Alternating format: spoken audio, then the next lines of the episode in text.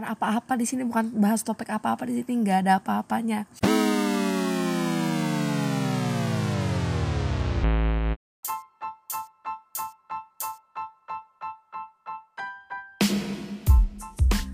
Jadi untuk episode yang kemarin itu udah aku delete dan yang episode baru ini adalah salah satu syarat supaya aku bisa delete episode yang sebelumnya itu episode yang di mana ada orang yang pengen buat podcast itu tengah malam jam 10 jam 11 malam yang gabut BM pengen punya podcast ya udah.